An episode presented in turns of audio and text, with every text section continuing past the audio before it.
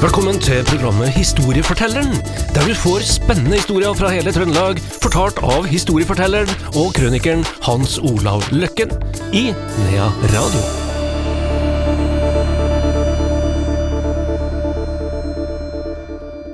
Historiefortelleren her i Nea Radio er tilbake igjen. Hans Olav Løkken, velkommen. Takk skal du ha. Vi skal til den amerikanske prærien, og vi skal etter hvert møte en, eh, ja, en tøff dame. Tøff dame, helt sikkert. Og eh, vi skal først begynne i Selbu, da. For det er altså familie som eh, utvandrer. Det er jo ganske så mange som utvandrer fra Selbu. Og den her familien her, eh, Bårdsgård og sånn, de, de kommer opprinnelig da fra eh, Du kjører ned den veien til høyre ved Kylloverkstedet, og du kommer ned til Markåbekken, eller, eh, eller Markvoll, tror jeg den der lille plassen heter. Eh, Det er vel en inne i byen i slekta som eier den plassen nå, ettersom jeg forstår, da. Men jeg har jo eh, vært på den plassen og tatt med meg han eh, fra byen, og Krokstad heter han. Jan Krokstad. Spellemann. Det er mulig at han er, kanskje, ja. Ja da. ja. Han, så han har da vært, vært med og tatt bilde av det her, og, og, og det er jo fra slekta hans, da, de, eh, som hadde utvandra til Amerika. Og da skal vi til en forferdelig tragedie, da. Det var nemlig slik at uh, av og til så gjorde indianerne uh, opprør. Det kunne være, skal vi si, uh, unge indianere som brøt ut av reservatet, eller de brøt ut av stammen. Ungdommen er utålmodig. Sånn er det med vår ungdom, sånn var det med indianerungdommen. De eldre prøvde jo selvfølgelig å stagge dem, men de dro altså på tokt. Og dette var da Chippewa-indianere, som er eh, dominerende da i Minnesota på den tiden. Og i eh, 62, 1862, i august, så eh, skjer det som kalles The Indian Apprise, altså et opprør her. Og eh, det førte jo til at eh, over 40 000 ute på prærien måtte flyttes. Altså, eh, da drar jo da selvfølgelig hæren utover prærien. Det er liksom ikke som å dra fra eh, Selbu til Tydalen, altså. Det er noen dager for å komme til nærmeste fort. Så de drar ut og gir beskjed med ryttere, soldater, kavaleriet, tropper, og sier til folk forlat, dra til det og det fortet. Og et fort lå kanskje fem dager unna, ikke sant. Må samle dem der, og så bringe dem. Så de brakte altså så utrolig med folk på grunn av india, at indianerne var på krigstid, som vi sa når vi var, var, var, var ungdom, da.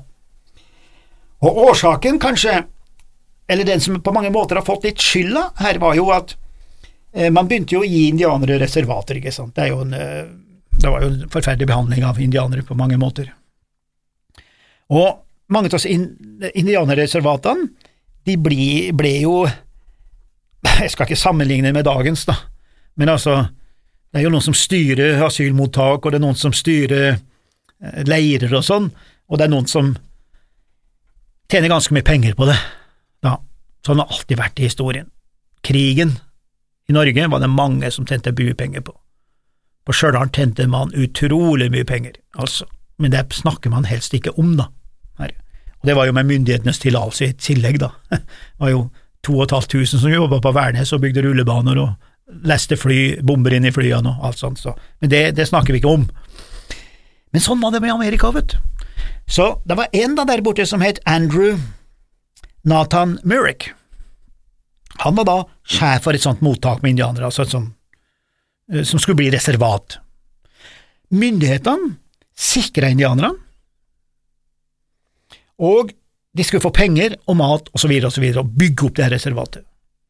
Men han tok visstnok og stakk litt av de her beløpene inn i egne lommer, heller ikke noe ukjent fenomen i, i verdenshistorien. Og når de klaga, da, de her høvdingene, eldres råd, det var jo ofte de eldre som var sjefer den tida, her, så sa de jo hva skal vi leve av, vi har jo ikke noe, vi får jo ikke noe mat, og da har han vel sagt de her berømte ordene let them eat grass, altså la dem ete gress. Og det er klart, da tenner man, ikke sant? Og så er det jo ofte sånn i konflikter, kriger og overalt, det er det samme opp igjen og opp igjen. Det er alltid noen som bryter ut. altså den største fiende, er kanskje en av dine egne. Altså, man klarer ikke å stå sammen. Man er, har noen forrædere blant seg, man har noen som skifta side. Det var jo det som gjorde at, i gåseøyne igjen, da, i gåseøyne, at de hvite klarte å nedkjempe indianerne. For de brukte jo da indianere mot indianere, hvis du skjønner hva jeg mener. De har jo ikke hatt sjanse til tatt innfødte, hvis du ikke har noen andre innfødte som kan det. Og sånn var det her òg. Derfor så bryter man altså ut med ungdommen, og finnes ikke i at de skal ete av gras, da. Så man samler inn folk overalt, og så er det da de her utvandrerne, de som er kommet inn og slått seg ned, og her er det folk, altså, fra vårt område, og fra en del nede på Voss, da, for jeg har funnet ut hva de heter, disse folkene etter hvert. da. Og jeg har vært og intervjua ham og prata med dem, og fått historien.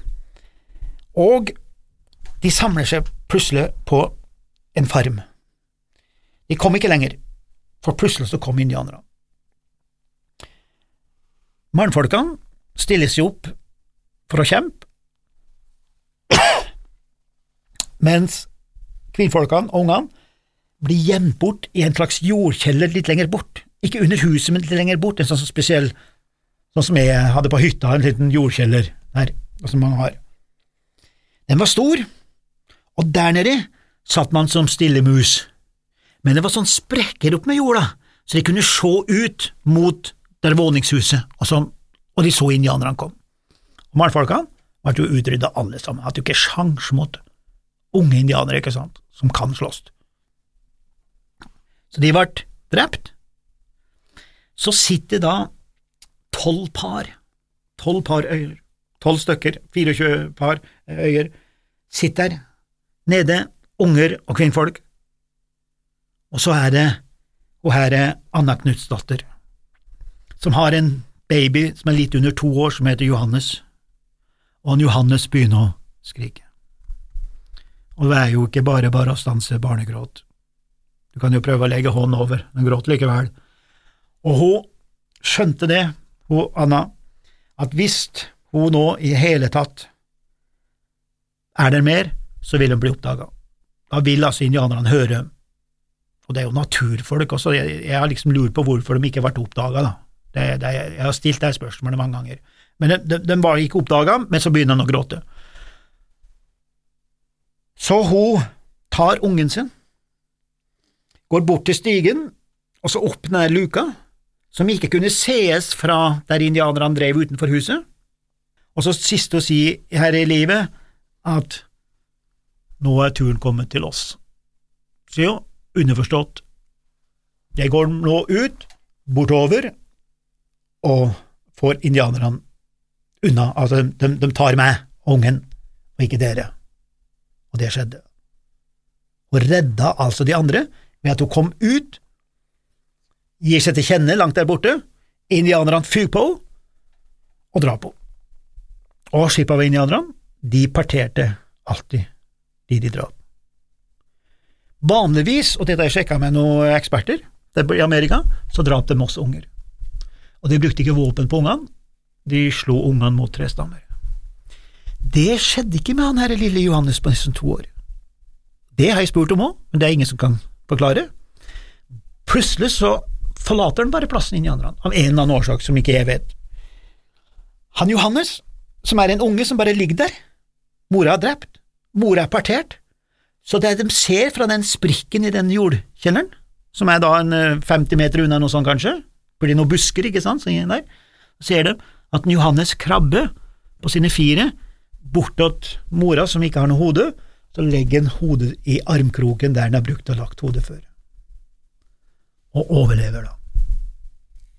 Som så, uh, uten å bli drept, og det er heller ingen som kan forklare. Der sitter de som livredde. Etter en time eller noe sånt, så våger de seg ut, og de tar fatt på veien til den neste farm som kanskje ligger en hel dag unna, når det gjelder å gå. De blir tatt vare på av noen soldater, dukker opp i tropp,